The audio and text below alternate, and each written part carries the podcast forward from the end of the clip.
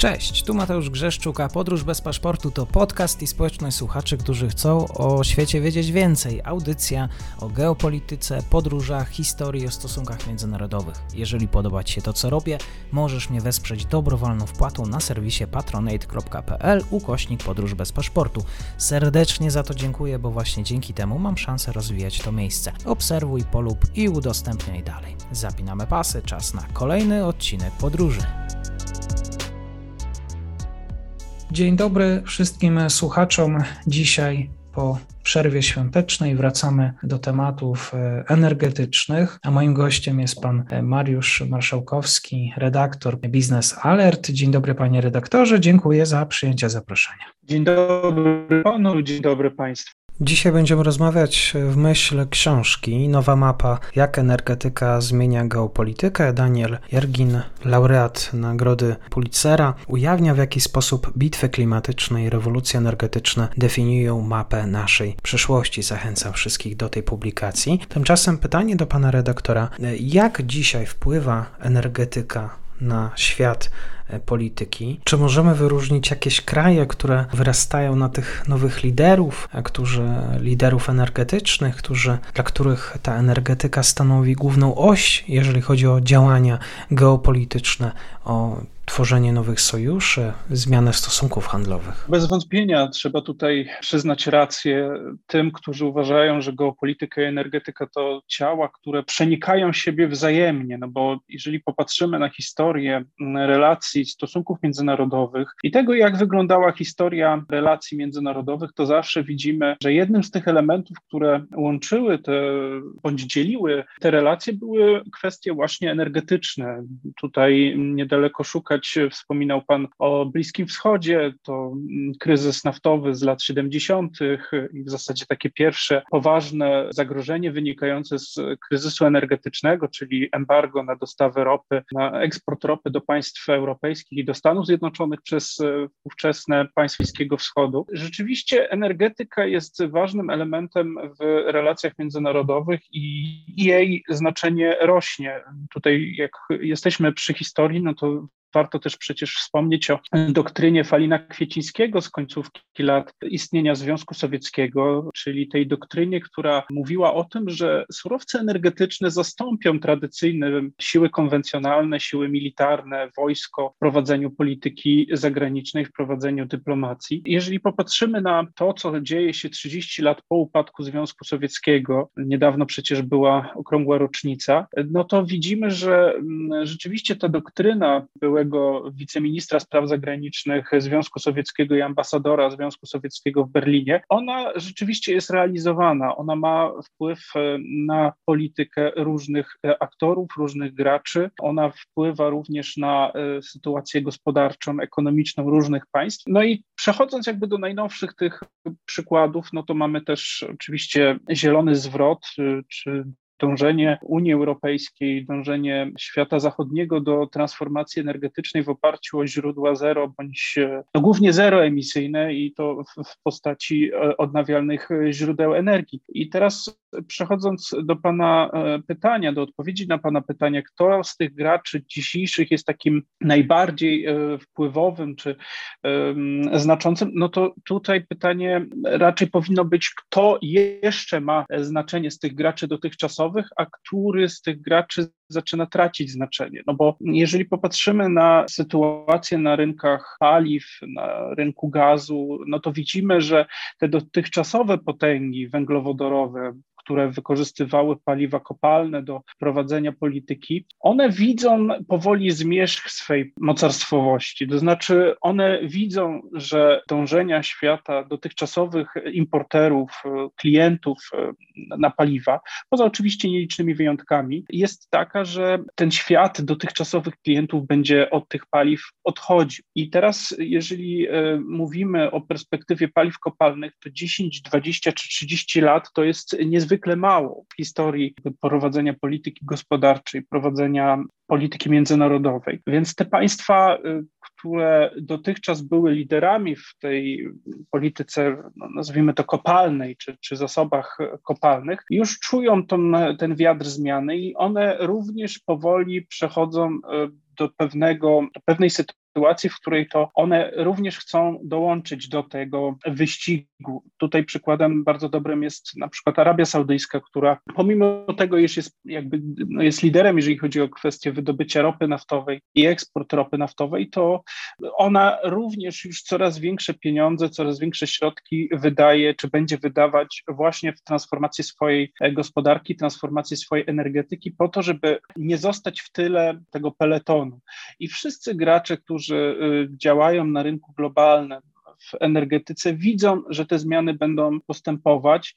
Tutaj oczywiście liderem tych, tych przemian, czy tego dążenia do, do transformacji energetycznej gospodarki całej w, w ujęciu y, zeroemisyjnym jest Unia Europejska. I Wbrew temu, co się powszechnie e, przyjmuje, że jest to tylko i wyłącznie, czy jest to głównie spowodowane zmianami klimatycznymi, oczywiście to jest jeden z elementów. Natomiast trzeba pamiętać o tym, że Unia Europejska jako kontynent jest uzależniona, znaczy jako, jako, jako podmiot e, międzynarodowy, jako gracz międzynarodowy jest uzależniony od dostaw surowców energetycznych z zagranicy. Gaz sprowadzamy głównie z terenu Federacji Rosyjskiej, sprowadzamy również gaz z, już od niedawna mm, z, z, z Azerbejdżanu, sprowadzamy gaz e, LNG z różnych kierunków świata. Ropę tak samo, nie, ropy nie wydobywamy tutaj na miejscu. Jest kilka e, elementów, które rzeczywiście wpływają na, na sytuację energetyczną. I to, co teraz widzimy, ten kryzys energetyczny jest doskonałym przykładem tego, co, jak sytuacja globalna, jak sytuacja międzynarodowa wpływa na e, sytuację gospodarczą wewnątrz Unii Europejskiej, czyli ten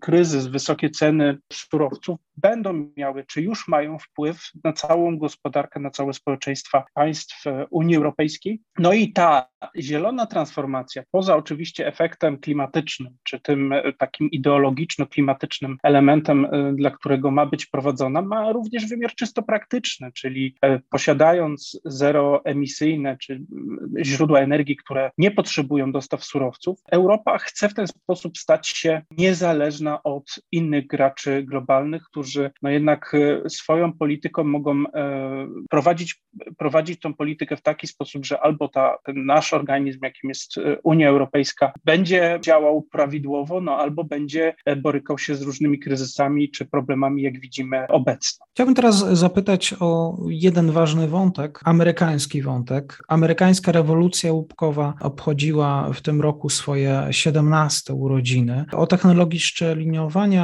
w takich stanach jak Teksas, Colorado, Nowy Meksyk już mówiliśmy dosyć sporo. Chciałbym zapytać zatem, jak właściwie ten świat łupków, ropa z łupków zmieniła geopolityczne oblicze Stanów Zjednoczonych? Umówmy się, jest to dosyć ważne wydarzenie i zmieniające, jeżeli chodzi o miejsce Stanów Zjednoczonych na globalnej mapie. Łupki napędzały również samą gospodarkę Stanów Zjednoczonych. Jak wygląda to dzisiaj, też w atmosferze pandemii? Czy tutaj e, możemy mówić o śmierci, czy dalszym rozwoju amerykańskich łupków? Rzeczywiście tutaj łupki są idealnym przykładem, jak zmieniła się sytuacja czy, czy pozycja geopolityczna też Stanów Zjednoczonych, pomimo iż tego, że są mocarstwem militarnym, są mocarstwem pod względem gospodarczym, no to jednak ta energetyka zawsze była piętą achillesową Stanów Zjednoczonych, zawsze pokazywała, że jednak ten globalny świat e, dotyka również takie supermocarstwo, jakim są i były e, Stany Zjednoczone, bo jednak e, do rewolucji łupkowej Stany Zjednoczone były jeszcze kilka lat temu, Stany Zjednoczone były silnie uzależnione od dostaw źródeł energetycznych, surowców energetycznych, głównie ropy naftowej z państw Bliskiego Wschodu. To też polityka amerykańska do niektórych państw Bliskiego Wschodu, Zatoki Perskiej choćby, była stosunkowo inna niż do, do, do innych państw na świecie, bo po prostu Stany Zjednoczone rozumiały swoją zależność od e, tych surowców, które w tamtych regionach świata są wydobywane. Rewolucja łupkowa po pierwsze zmieniła oblicze Stanów, jeżeli chodzi o kwestie naftowe, czyli e, Stany Zjednoczone w 2017 roku z e, importera stały się, że tak powiem, państwem e, niezależnym pod względem sprowadzania ropy naftowej, to znaczy produkcja ropy naftowej w Stanach Zjednoczonych równoważyła zapotrzebowanie na tą ropę w Stanach Zjednoczonych. Potem nawet doszło do sytuacji, w której to Stany Zjednoczone stały się eksporterem netto, czyli więcej wysyłały tej ropy, więcej eksportowały niż importowały na teren Stanów Zjednoczonych, bo trzeba pamiętać, że cały czas tą ropę czy, czy oleje, ciężkie oleje opałowe czy napędowe nadal Stany Zjednoczone w jakimś wolumenie importują. Natomiast jeżeli, jeżeli podliczy się, czy, czy zobaczy się na dane eksportowe, to one, eksport przeważ, przewyższa na chwilę obecną import ropy naftowej. No i oczywiście element szalenie istotny również z naszego punktu widzenia, polskiego punktu widzenia, to, to gaz łupkowy. Gaz łupkowy w Stanach Zjednoczonych wbrew obiegowej opinii to nie jest y, gaz, który jest wydobywany osobno, poza ropą. To znaczy ropa naftowa wydobywana z łupków jednocześnie dostarcza gaz, który jest przekształcany, jest przetwarzany i jest eksportowany w postaci LNG. Czyli wtedy, kiedy mamy wysoki, wysoką produkcję ropy naftowej z łupków y, na terenie Stanów Zjednoczonych, wtedy mamy również wysoki, wysoką y, produkcję, wysoką podaż gazu ziemnego. Jeżeli produkcja ropy zmniejsza się a w ostatnich, w ostatnich dwóch latach zmniejszyła się ze względu na pandemię COVID-19, zmniejszone ceny surowców energetycznych. Trzeba pamiętać, że wiosna zeszłego roku była wyjątkowo trudna dla wszystkich e, producentów węglowodorów, ale dla tych, e, którzy produkowali e, węglowodory z, w ramach szczelinowania hydraulicznego, czyli tej właśnie ropy łupkowej, oni szczególnie, dla nich szczególnie bolesny był to cios, te, te spadki cen surowców na giełdach, szczególnie, że produkcja tej ropy w takich właśnie warunkach w Stanach Zjednoczonych jest relatywnie droższa niż na przykład w Arabii Saudyjskiej czy nawet na terenie Federacji Rosyjskiej. Z tego jak widzi się obecne dane wydobywcze, produkcyjne, to jeszcze nie wrócono do stanu sprzed pandemii. To znaczy, część tych odwiertów, część tych firm, która zajmowała się wydobyciem ropy, zaprzestała działalności. Nawet te ceny wysokie, które są obecnie, czyli sięgające prawie 80 dolarów za baryłkę, nie zachęciły niektórych, czy nie zachęciły wszystkich do powrotu do tej branży. Natomiast mm, co do samego, mm, co do samej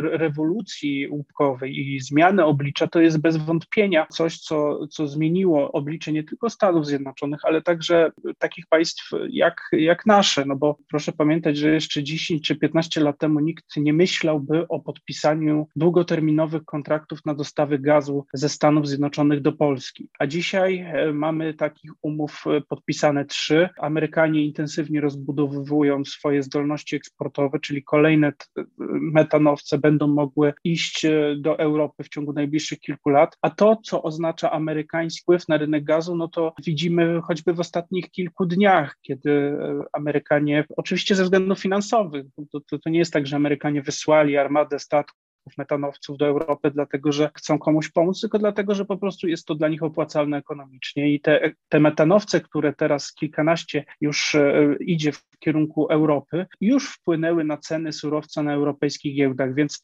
ten wpływ rewolucji e, energetycznej w Stanach Zjednoczonych jest nie do ocenienia. Jeżeli rozmawiamy o geopolityce, to tutaj oczywiście nie może zabraknąć też e, Chin. Stąd e, pytanie też do pana redaktora, jak właściwie źródła energii, energetyka odgrywa rolę w rywalizacji mocarstw właśnie pomiędzy Chinami a Stanami Zjednoczonymi. Tutaj też pojawiają się dwa wątki. Pytanie pierwsze, czy jedwabny nowy szlak będzie też zasilany źródłami odnawialnymi, czy nowy jedwabny szlak będzie zielony? Czy Chiny deklarują w jakiś sposób gotowość do rozwoju tego rodzaju energetyki? I też drugie pytanie, być może szerokie, ale tutaj ewentualnie poproszę pana redaktora o krótszą odpowiedź. Może południowochińskie, czy to jest też ważne miejsce, jeżeli chodzi o, o źródła energii? To przechodząc do, do pierwszego pytania, czy jak tu ta rywalizacja, no bez wątpienia Chiny są bardzo istotnym graczem na rynku energetycznym. Ze względu na wielkość gospodarki Chiny potrzebują ogromnych ilości surowców energetycznych i to, co jest, to, co widać w obecnym kryzysie energetycznym, to też taki element, ten pierwiastek właśnie azjatycki, czyli że Azja, która e, stosunkowo szybko wychodziła z obostrzeń pandemicznych, szybko szybko wychodziła z tych kryzysu gospodarczego wywołanego lockdownami, przerwami różnymi w produkcji przemysłowej, potrzebowała ogromnych ilości surowców energetycznych, zasysała w zasadzie wszystko, co było dostępne na rynku w ramach umów krótkoterminowych, czyli tak zwanych spotowych. To też przerodziło się w wysokie ceny tych surowców, również na rynku europejskim, czyli to, co widzimy dzisiaj w Europie, co się dzieje na, na, na giełdach europejskich, to nie jest tylko kwestia mm, jednego powodu, czy na przykład działania Gazpromu, tylko to są różne czynniki, które przez ostatnie kilka miesięcy miały miejsce na globalnym rynku handlu surowcami energetycznymi, od pandemii i zmniejszenia podaży przez producentów, przez e, właśnie wychodzenie z, z obostrzeń pandemicznych, zwiększenie transportu, no i oczywiście też działanie Gazpromu, to, to, to jest też kwestia oczywista, natomiast tutaj trzeba wszystko to wziąć e, pod uwagę razem, nie, nie jak osobne czynniki, bo osobne czynniki nie wpłynęłyby aż tak mocno na, na, na rynki energetyczne świata. Natomiast to, co Chiny, co jest charakterystyczne dla e, Chin, czy dla gospodarki chińskiej, to to, że Chińczycy inwestują w zasadzie we wszystkie możliwe moce wytwórcze, od węgla kamiennego i brunatnego przez gaz ziemny, elektrownie jądrowe, największa w zasadzie ilość budowanych nowych bloków jądrowych to są Chiny właśnie. No i oczywiście odnawialne źródła energii, bo o tym też nie możemy zapomnieć, że po pierwsze Chiny są liderem, jeżeli chodzi o produkcję podzespołów, różnych elementów stosowanych w odnawialnych źródłach energii, to jest raz, a dwa, Chiny same intensywnie budują miks energetyczny, czy swoją gospodarkę również w oparciu o odnawialne źródła energii. Chiny do tego podchodzą w bardzo pragmatyczny sposób, to znaczy Chiny mają swój system handlu emisjami, podobny do, do europejskiego. On też funkcjonuje w pewien sposób.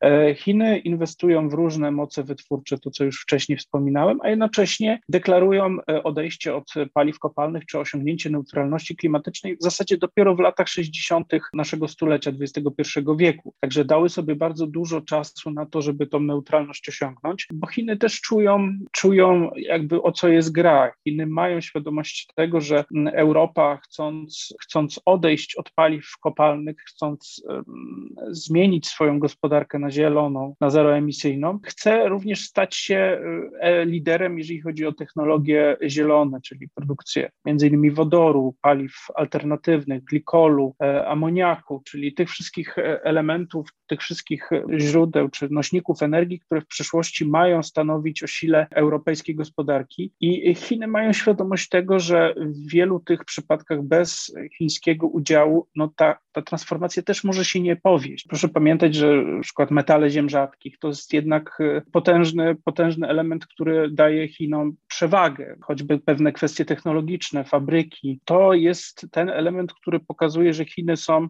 ważnym graczem, będą ważnym graczem również w tym kontekście transformacji e, w oparciu o zeroemisyjne źródła energii. Chiny na pewno będą do tej transformacji dołączać, bo to dla nich będzie opłacalne ekonomiczne. Natomiast jakie jest znaczenie Morza Południowochińskiego dla energetyki? Ono ono jest ważne, to jest ważny akwen, to jest istotny, aczkolwiek trzeba pamiętać, że to jest akwen, który jest szalenie trudny z perspektywy politycznej, to znaczy dużo graczy, dużo państw, które roszczą sobie różne prawa do, do zasobów naturalnych, przez co e, trudno jest jednoznacznie stwierdzić, czy jednoznacznie określić, jakie w przyszłości ten akwen będzie miał wpływ na energetykę, no bo tu trochę jest kazus, jeżeli porównamy to do sytuacji na przykład wokół Cypru, czyli na Morzu Śródziemnym, gdzie swoje roszczenia ma Cypr, ma Grecja, ma Turcja. Wiadomo, że są tam złoża, wiadomo, że mamy tam dostęp do źródeł kopalnych, do paliw kopalnych. Natomiast jeżeli y, to wydobycie nie rozpocznie się w ciągu najbliższych kilku, kilkunastu lat, to może się okazać, że już jest trochę za późno, bo jeżeli dojdzie do rzeczywiście do tej transformacji w ujęciu, który forsuje Unia Europejska, i którym już powoli suflują Stany Zjednoczone, to może się okazać, że za kilka kilkanaście, czy powiedzmy w perspektywie następnych 20 lat, te paliwa kopalne rzeczywiście nie będą, może nie nikomu potrzebne, bo zawsze one będą wykorzystywane, ale jednak skala inwestycji, koszt zwrotu z tych inwestycji będzie relatywnie mniejszy niż gdyby na przykład wydobycie miało rozpocząć się w przeciągu najbliższych 5 czy 10 lat. Więc e, Morze Południowochińskie na pewno jest ważne, jest istotne, ale jest bardziej istotne ze względu na jego rolę, jeżeli chodzi o łańcuch dostaw, o szlak tranzytowy, szlaki żeglugowe, to jest rzeczywiście ważny akwen, ważny obszar. Natomiast z perspektywy e, surowcowej, wydobycia surowców, no to tutaj to jest jeszcze kwestia przyszłości, a przyszłość nie wiadomo jaka będzie. Naturalnie, kiedy rozmawiamy o energetyce, pojawia się również region e, Bliskiego Wschodu. Tutaj pytanie do pana redaktora, czy w pewien sposób kraje arabskie chcą walczyć z CO2, czy kraje arabskie mają swój plan zielonego Bliskiego Wschodu? Czy tutaj kraje takie jak Arabia Saudyjska chcą, żeby źródła energii pochodziły właśnie ze źródeł odnawialnych i czy w pewien sposób kraje te chcą odchodzić od typowych surowców, czy też w jakiś sposób ograniczają, przedstawiają jakieś konkretne plany w kontekście zmian klimatu? Oczywiście, one, one ja, bym to, ja bym powiedział tak, one nie chcą bo one mają świadomość tego, że ich bogactwo, dotychczasowe bogactwo, dotychczasowa pozycja została zbudowana właśnie na paliwach kopalnych i w interesie tych państw jest e, to, aby jak najdłużej te paliwa kopalne były wykorzystywane, żeby były jak najdroższe, żeby móc sprzedawać je z jak najwyższym, jak największym zyskiem. Arabia Saudyjska ma plan transformacji energetycznej, bardzo ambitny zresztą. Saudowie e, w ostatnich latach bardzo dużo poczynili ku temu, aby tą swoją gospodarkę coraz bardziej zazieleniać. Oni e, wychodzą z założenia, że im więcej ropy zdołają wyprodukować i sprzedać, wyeksportować, a zamiast zużyć na miejscu, tym lepiej dla nich. Tym bardziej trzeba pamiętać, że warunki do na przykład produkcji energii elektrycznej z, z fotowoltaiki, no to mają e, bardzo dobrą. I tutaj poza Saudami, Zjednoczone Emiraty Arabskie i Katar również mają plany dekarbonizacji, e, plany mające na celu zmniejszenie po pierwsze generacji energii elektrycznej z źródeł kopalnych, ale nie właśnie z tego powodu, o którym my myślimy, czy o którym my głównie mówimy, czyli redukcji emisji CO2, ale właśnie ze względów ekonomicznych, czyli im mniej zużyją u siebie y, ropy, mazutu czy paliw kopalnych, które, które wydobywają, tym więcej tej, tej ropy, tych paliw będzie mogła zostać wyeksportowana do jakichś innych kierunków, żeby po prostu przynieść, przynieść pieniądze. Państwa z Zatoki Perskiej czy państwa Bliskiego Wschodu, te, te, te producenci mają świadomość tego, że za kilkanaście czy kilkadziesiąt lat będzie bardzo trudno sprzedać e, surowiec, że jeszcze bardziej zwiększy się konkurencja, że już dzisiaj widzimy konkurencję na rynkach energetycznych, bo do takich graczy kiedyś w zasadzie tylko kartel OPEC, dzisiaj mamy Stany Zjednoczone, mamy Brazylię, mamy państwa afrykańskie, które, które coraz e, mocniej wychodzą do, do, tej, do tej rywalizacji energetycznej, do sprzedaży węglowodorów, czy to w postaci LNG, na przykład gazu, czy, czy w postaci ropy naftowej. I ten rynek jeszcze, on będzie trudny, on, on, on pomimo tego, iż ta, ta ropa będzie miała coraz mniejsze znaczenie w najbliższych 20-30 latach dla, dla światowej gospodarki, to jednak rywalizacja z producentów będzie na pewno jeszcze większa niż dzisiaj. I teraz ci, którzy mają pieniądze na to, żeby się transformować, żeby przestawić swoją gospodarkę z tej gospodarki opartej na paliwach kopalnych na taką gospodarkę, która będzie, będzie partycypować na przykład w zielonych technologiach, w produkcji wodoru, w produkcji glikolu czy innych paliw alternatywnych, które będą potrzebne, będą wypierały te dotychczasowe paliwa kopalne, no to one już to powoli robią. Saudi Aramco, czyli największy koncern e, naftowy na świecie, energetyczny na świecie, już e, wydaje duże pieniądze w rozwój różnych technologii zeroemisyjnych po to, żeby w najbliższej przyszłości samemu stać się liderem czy stać się, stać się koncernem, który będzie brał udział w tej rywalizacji globalnej. Ci, którzy y, obserwują transformację energetyczną, widzą, że to jest proces, który, e, no, którego ciężko będzie zatrzymać. Ciężko będzie zatrzymać nie tylko ze względów ideologicznych, tylko ciężko będzie zatrzymać ze względów e, ekonomicznych. Widzimy tą paletę państw, które przyłączają się do tego wyścigu coraz szerzej, bo mają świadomość tego, że za 20-30 lat, mówimy o takiej perspektywie, paliwa kopalne będzie wyjątkowo, po pierwsze, trudno wydobyć, no bo jednak te dotychczasowe złoża będą powoli, czy będą się zczerpywać, będzie trzeba wierdzić głębiej, co oznacza wyższe koszty, ale też trudniej będzie ten surowiec sprzedać na rynku, więc rozwiązaniem jest to, żeby po prostu wyprzedzić ten rozwój technologiczny, czy zaakceptować ten rozwój technologiczny i po prostu dołączyć do tego światowego peletonu państw, które będą chciały tą transformację energetyczną przeprowadzać. Też niech nasza rozmowa będzie pretekstem do tego, żeby sięgnąć e, po książkę o tym, jak w jaki sposób funkcjonują dzisiaj te bitwy klimatyczne, rewolucje energetyczne, w jaki sposób one definiują mapę naszej przyszłości, nowa mapa, jak energetyka zmienia geopolitykę. Serdecznie zachęcam. A dzisiaj moim gościem i za co serdecznie dziękuję za nasze spotkanie był pan redaktor Mariusz Marszałkowski, portal Business Alert. Jeszcze raz bardzo dziękuję. Dziękuję serdecznie za zaproszenie, dziękuję za wysłuchanie i wszystkiego dobrego na nowy rok.